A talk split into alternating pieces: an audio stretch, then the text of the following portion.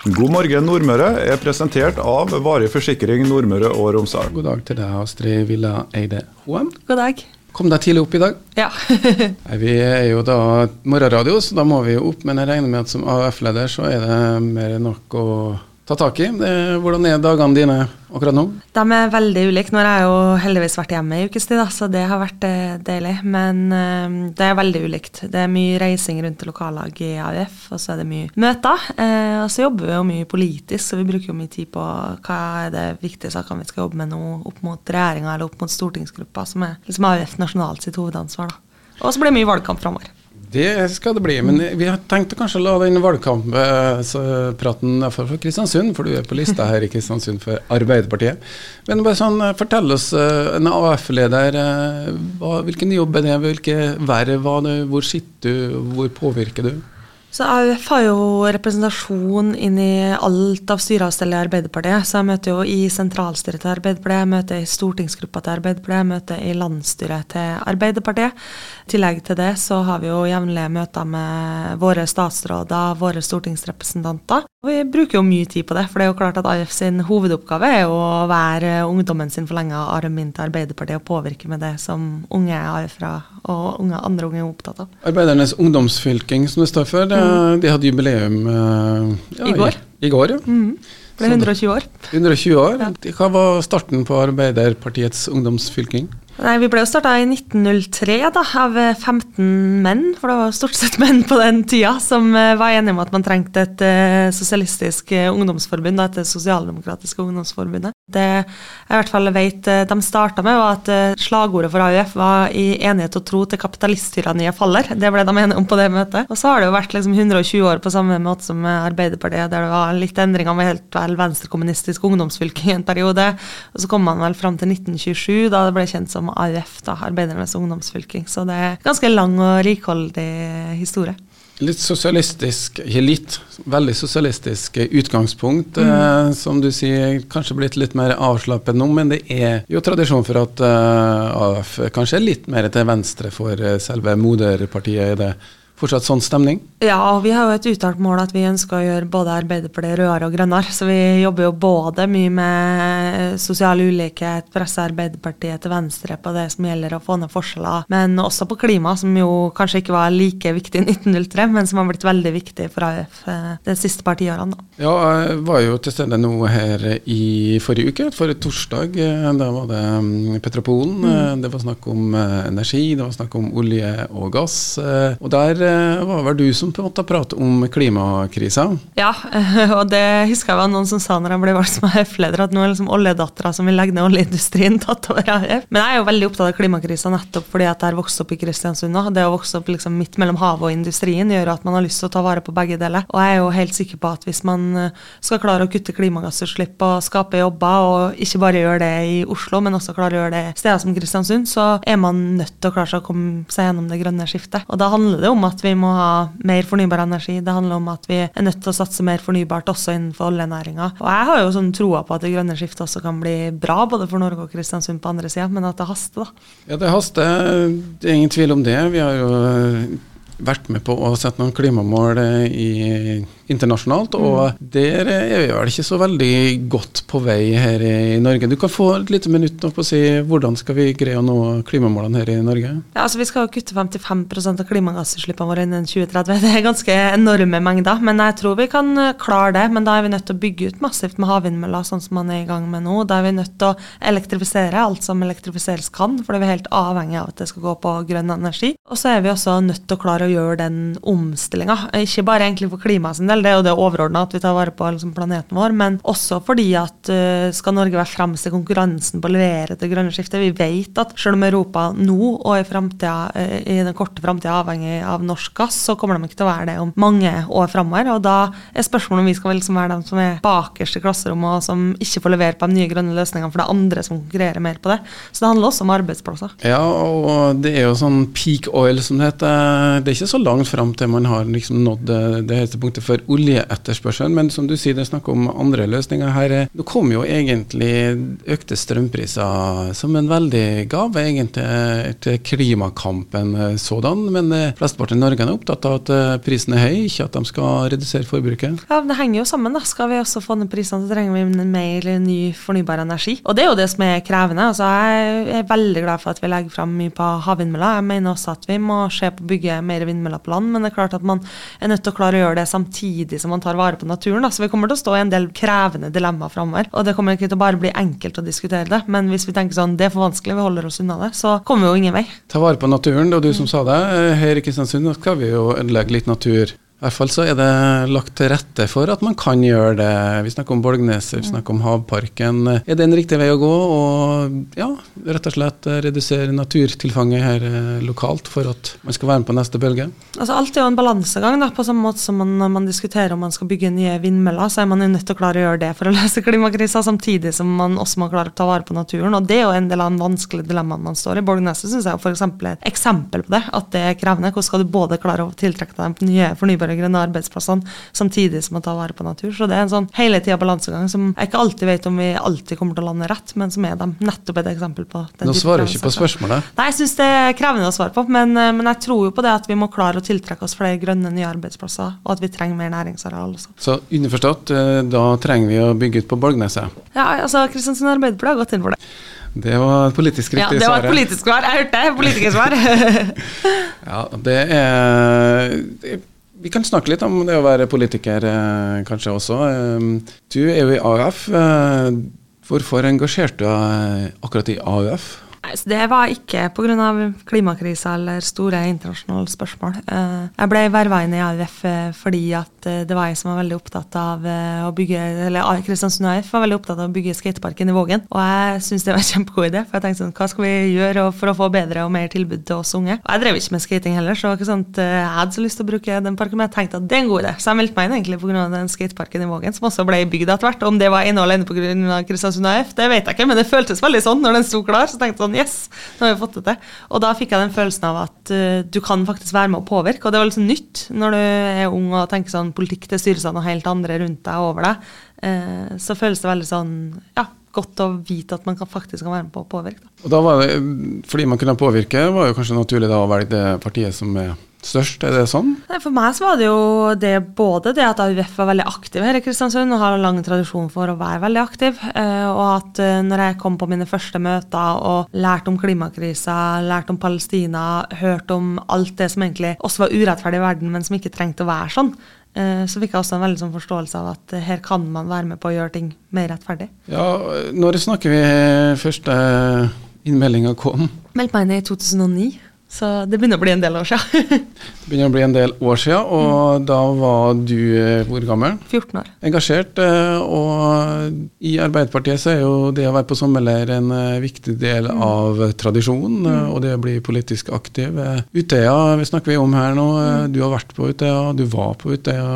Hva har det gjort med deg? Så Den første sommerleiren jeg var på, var i 2010. Jeg hadde veldig lyst til å dra den sommeren 2009, men da sa mamma og pappa nei, for de var redd for gutter og alkohol. Altså, Alkohol er det jo ikke på Utøya, ja, men eh, det er gutter, så de hadde 50% rett. Men eh, jeg husker den første sommerleiren så fikk jeg veldig den følelsen av å komme hjem. da. Du møtte unge fra hele landet som var engasjert i det samme som deg, og som ville sitte opp hele natta og diskutere og spille volleyball. Det drev ikke jeg så mye med da, men å bli kjent med hverandre. Så for meg var det på en måte ingen tvil at jeg skulle ha tilbake i 2011. Og så har jo 22. juli både påvirka meg og AUF eh, på enormt mange måter. Jeg tror det å oppleve liksom et terrorangrep når man er så ung, gjør det både krevende å vite hva som påvirker deg av terroren etterpå, hva som er på en måte at du er 16-17 år. Uh, og i veldig mange år så følte jeg at 22. juli først og fremst var personlig, så jeg hadde ikke lyst til å snakke så mye om det. Men etter hvert så har jeg også skjønt mer og mer hvor politisk det er, hvor politisk retta terrorangrepet var, hvor viktig det er at man nettopp snakker om det, uh, og nettopp snakker om det politiske bak det. Fordi det var et angrep på demokratiet og på ytringsfriheten, men det var også et målretta planlagt angrep på AUF og på Arbeiderpartiet og på sommerleiren til AUF fordi man ønska å strupe rekrutteringa til Arbeiderpartiet. Og i alle årene etterpå så har vi jo sett to nye terrorangrep i Norge som går på litt de samme verdiene, både mot Al-Noor-moskeen i Bærum og i fjor, på 25.6, mot uh, skeive. Uh, og det uh, er jo veldig skremmende. fordi nettopp når terroren rammer deg der du føler deg tryggest, enten om det er på sommerleir, eller om det er i gudshuset ditt, eller om det er under pride der du skal feire kjærligheten, så er jo terroren sitt mål å skremme oss vekk fra å være dem vi er, da, eller fra å leve de livene vi ønsker, og fra å tørre å ytre oss om det som er viktig for oss. så det har blitt veldig viktig for meg at, eh, at nettopp at man bekjemper de ekstreme kreftene, som nå skjer i Norge, men som også skjer mer i normalisering av internasjonalt. To ord der. Ungdom og demokrati. Det ungdommelige engasjementet og det å engasjere seg i, i, politikken. Hvordan er det med engasjementet blant ungdommen? Så Vi ser at det er veldig sterkt i AUF. Det var litt krevende tider under korona. Det var ikke så lett å være ungdomsparti og liksom konkurrere med alt annet du skulle gjøre på PC-en, og så skulle du i tillegg sitte og høre på kanskje et halvtimes foredrag på Teams. Men etter korona så har vi hatt eh, økt innmelding i AUF, og vi ser at flere kommer på sommerleir. Så det ungdomsengasjementet står sterkt. Og så er jo veldig mange unge bekymra i dag. Når jeg meldte meg inn i AUF, så snakka vi mye om at alt gikk liksom i riktig retning. Flere og flere fikk utdanning verden over, det ble mer og mer demokrati.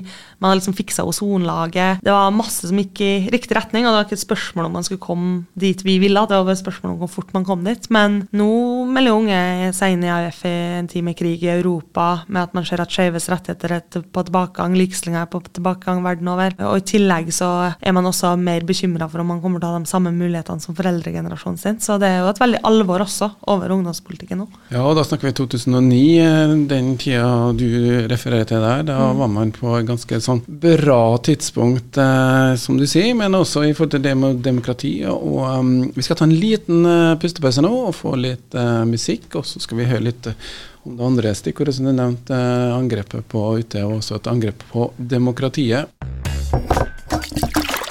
God morgen Nordmøre er presentert av Varig forsikring Nordmøre og Romsdal. Vi har med oss Astrid Ville Eide Hoem, AUF-lederen og medlem av bystyret i Kristiansund. Vi har snakka litt om uh, hennes engasjement i AUF, og hva som fikk hun inn i politikken uh, som ung ungdom i 2008-2009. Det som er interessant med det årstallet, er jo at eh, det var på den tida Facebook begynte å komme, og ikke minst så fikk vi iPhone og mobiltelefoner som eh, gjorde at sosiale medier kanskje fikk en enda sterkere framvekst. Skulle du ønske at du var politiker i tid uten sosiale medier? Både ja og nei. Jeg tror det er mye lett lettere å engasjere seg for mange unge hvis du bor litt sånn langt unna det ikke finnes et AUF eller Unge Høyre eller Unge Venstre-lag der, så kan det jo på en måte skje at det finnes et annet sted. Det var jo ikke alltid like lett med å liksom slå opp i lokalavisa og se at her er det møte. Men jeg er jo også litt skremt over utviklinga. Jeg tror liksom, hvis man spoler tilbake til 2009, så tenkte man jo at det skulle være en enorm demokratisering. Det at alle skulle få en stemme oss på internett, alle skulle være sin egen redaktør, alle skulle kunne bli hørt. Og den arabiske våren kom jo kort tid etterpå, og den var jo på en måte en revolusjon i stor grad også på sosiale sosiale medier. Så det var jo litt sånn mer håpefull tid også på sosiale medier. Og en del ting stemmer jo. Jeg tror flere opplever at det er lettere å få sagt det de vil si, enn det kanskje å skrive et leserinnlegg alltid til avisa f.eks. Men på andre sida så har du jo mer konspirasjonsteorier, du får mer hat ut av det. Det er lettere å liksom skrive et kommentarfelt enn det ville vært å sende inn til lokalavisa at man er ordentlig forbanna på en kommunestyrepolitiker og bruker et språk som kanskje ikke ville vært godkjent av en redaktør i avis. Så det er noen store minuser med det òg. Ja, det er jo det engasjementet som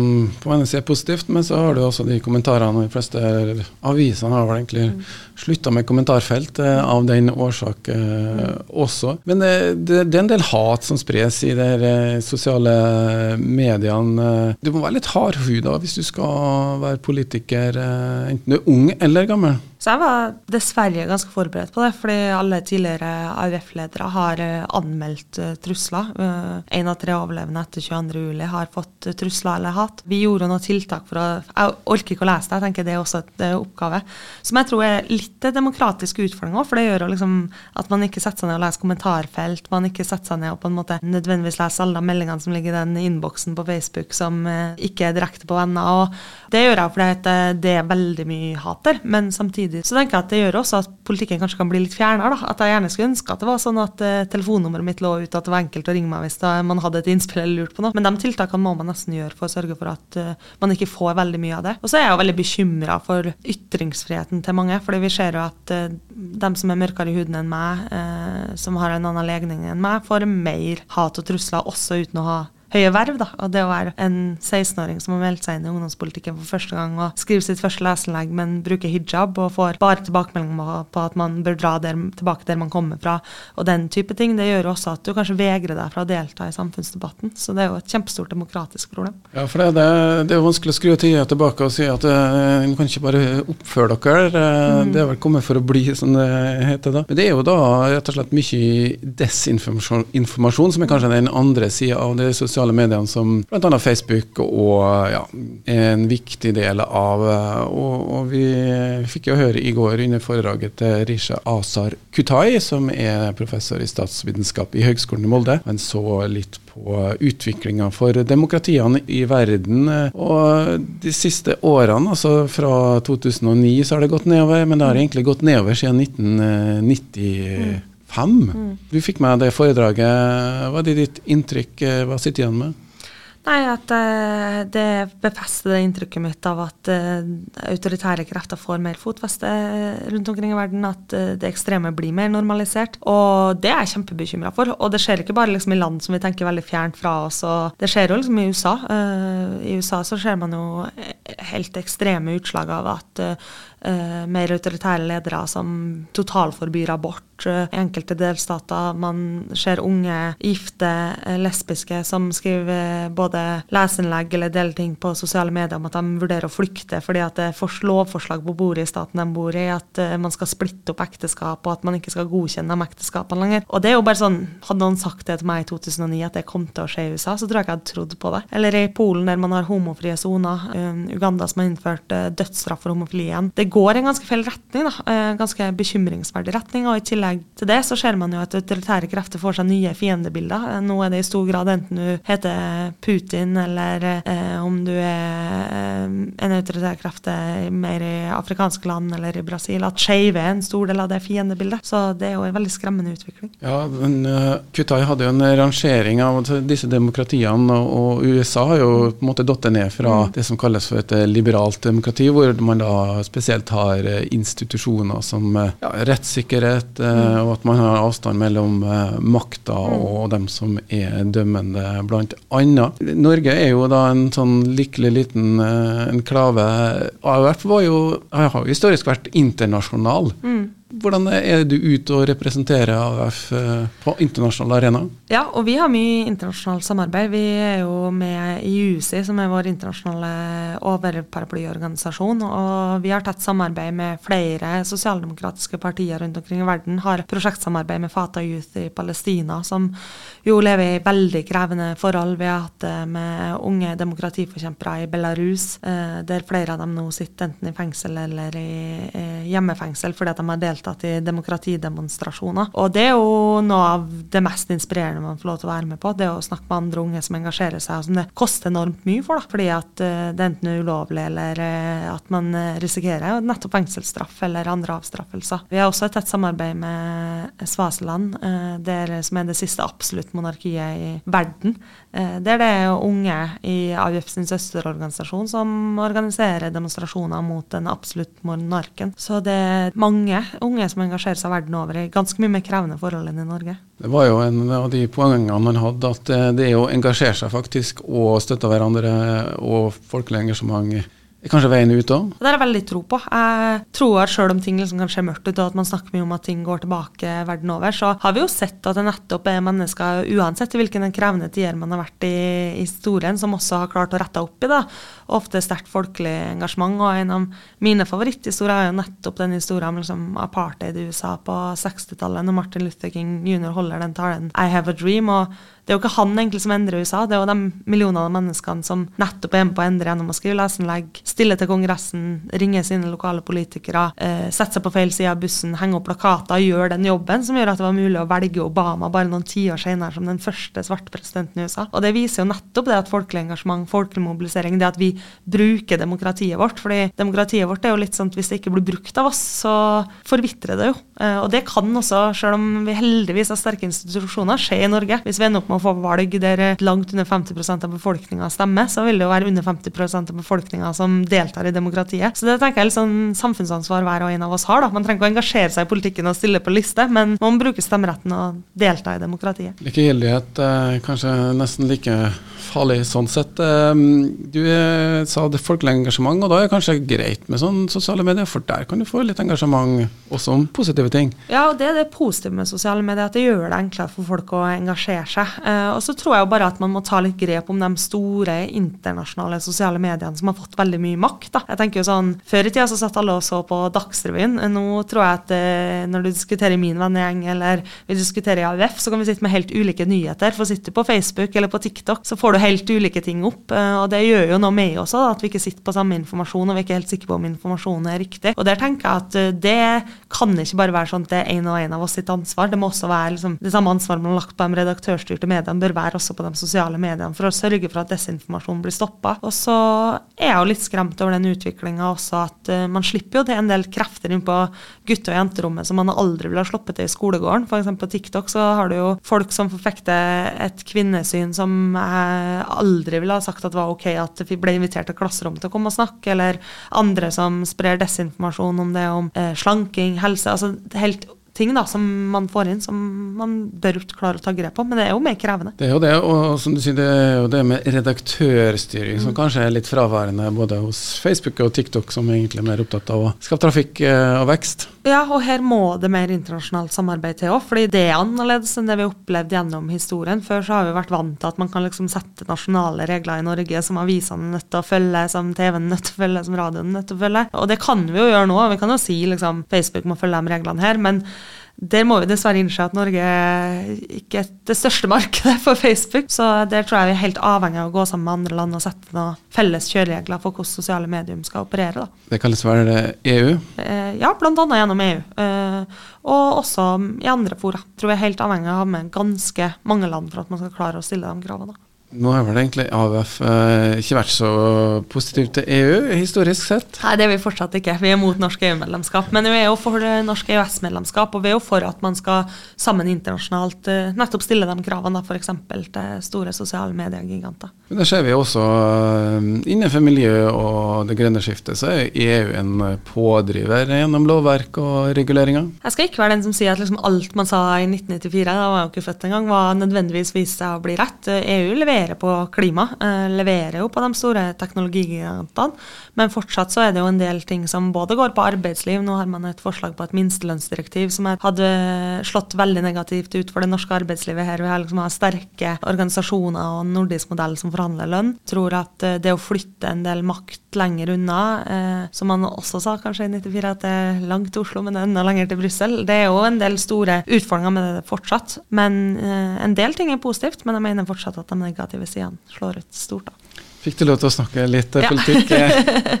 Lell. Nei, men Det er jo artig å høre, og ikke minst eh, få snakke med noen som er litt engasjert i de store tingene også. For all del Kristiansund, eh, det basen er Kristiansund fortsatt. Eh, skal ikke si hvor du bodde, men det skal man jo ikke gjøre lenger. Men, eh, også på Kirkeland, da. Vokste opp på Kirkelandet. Hvordan blir sommeren for deg? Skal vi en del hjemme i Kristiansund, så skal vi på en tur på hytta i Todalen. Og så skal jeg en del bryllup, så det blir veldig hyggelig. Og så er det vel en liten valgkamp. Eh, når begynner ja, den? Den eh, begynner jo egentlig Den begynner så snart det forrige valget er slutt, egentlig. Men, eh, men, den intensive valgkampen, som vi kaller det, er i gang etter sommerleiren til AUF i starten av august. Så da, fra da ruller det og går. Og da skal vi inn i skoledebatter. Det er jo AUF det vi driver aller mest med i valgkampen, og reise rundt. Da. Og da må vi si litt om Arbeiderpartiets oppslutning. Har ikke mm. vært den største siste siden han kom i regjering, egentlig. Mm. Uh, de har jo fått en konkurrent, spesielt i skoledebattene, som har gjort det veldig bra. Um, så trenger ikke nevne navnet på dem. Men mm. hva tenker du om uh, oppslutninga rundt Arbeiderpartiet? Det er ingen tvil om at den bør være høyere. Jeg mener at Arbeiderpartiet skal være et parti som ligger mye høyere enn det vi har gjort på målingene nå. Og så må jo vi gå litt i oss sjøl og tenke sånn Det at målingene er lave, gjør jo at folk kanskje ikke har like stor tillit til oss. Og det er jo først og fremst Arbeiderpartiet sitt ansvar og vårt ansvar å sørge for at folk opplever at det er vi som leverer løsninger for den tida vi lever i. Men så føler jeg litt inni meg, og det er jo liksom alltid litt sånn skummelt å si, men at det er på vei til å snu nå. Jeg har stor tro på at AUF kan vinne skolevalget for femte gang på rad, for vi har vunnet fire ganger før. Eh, og jeg har også tro på at valget kan ende godt, men at det kommer til å være kreve mer av oss, nettopp fordi at eh, når målingene er lave, så betyr det også at vi vi må gjenvinne mye tillit, da. Ja, og jeg skjønte ikke helt hvordan Arbeiderpartiet skal gjenvinne tilliten. Det er jo én ting, det snakkes om at de må gjøre det, men identifisere seg med evige arbeidere. Ja, jeg mener fortsatt at man ser helt tydelig i Norge at det er for store forskjeller, og at det er noen som sitter igjen med Men den gjennomsnittlige arbeideren i Norge har det jo ganske bra. ja, og det er jeg jo glad for, men samtidig så ser man jo nå når prisene øker, når energiprisene øker, når renta øker, at det er krevende for veldig mange. Og man ser jo at i de store byene spesielt så øker fattighuskøene, og det er også et politisk ansvar å sørge for at folk har nok i måneden til å føle at man strekker til. Og det gjelder ikke Det gjelder jo i stor grad mange mennesker som er avhengig av uh, velferdsstaten vår uh, fordi at man ikke kan stå i arbeid, men det gjelder også en god del av dem på de minste lønningene. Så, så, der tror jeg vi har en stor oppgave, at uh, så lenge sosialdemokratiet sitter i regjering, så skal forskjellene ned, ikke opp. Da var vi inne i valgkampen ja. allerede, hørte jeg. Men det er klart, man må jo da ta med seg oppturene, må ta med seg nedturene. Hva er det som er artigst med politikken? Bortsett fra å påvirke, selvfølgelig. Ja, det artigste er å få lov til å reise rundt og møte alle fra hele Norge som står opp hver dag og tenker på hvordan man skal være med på å forandre Norge og verden.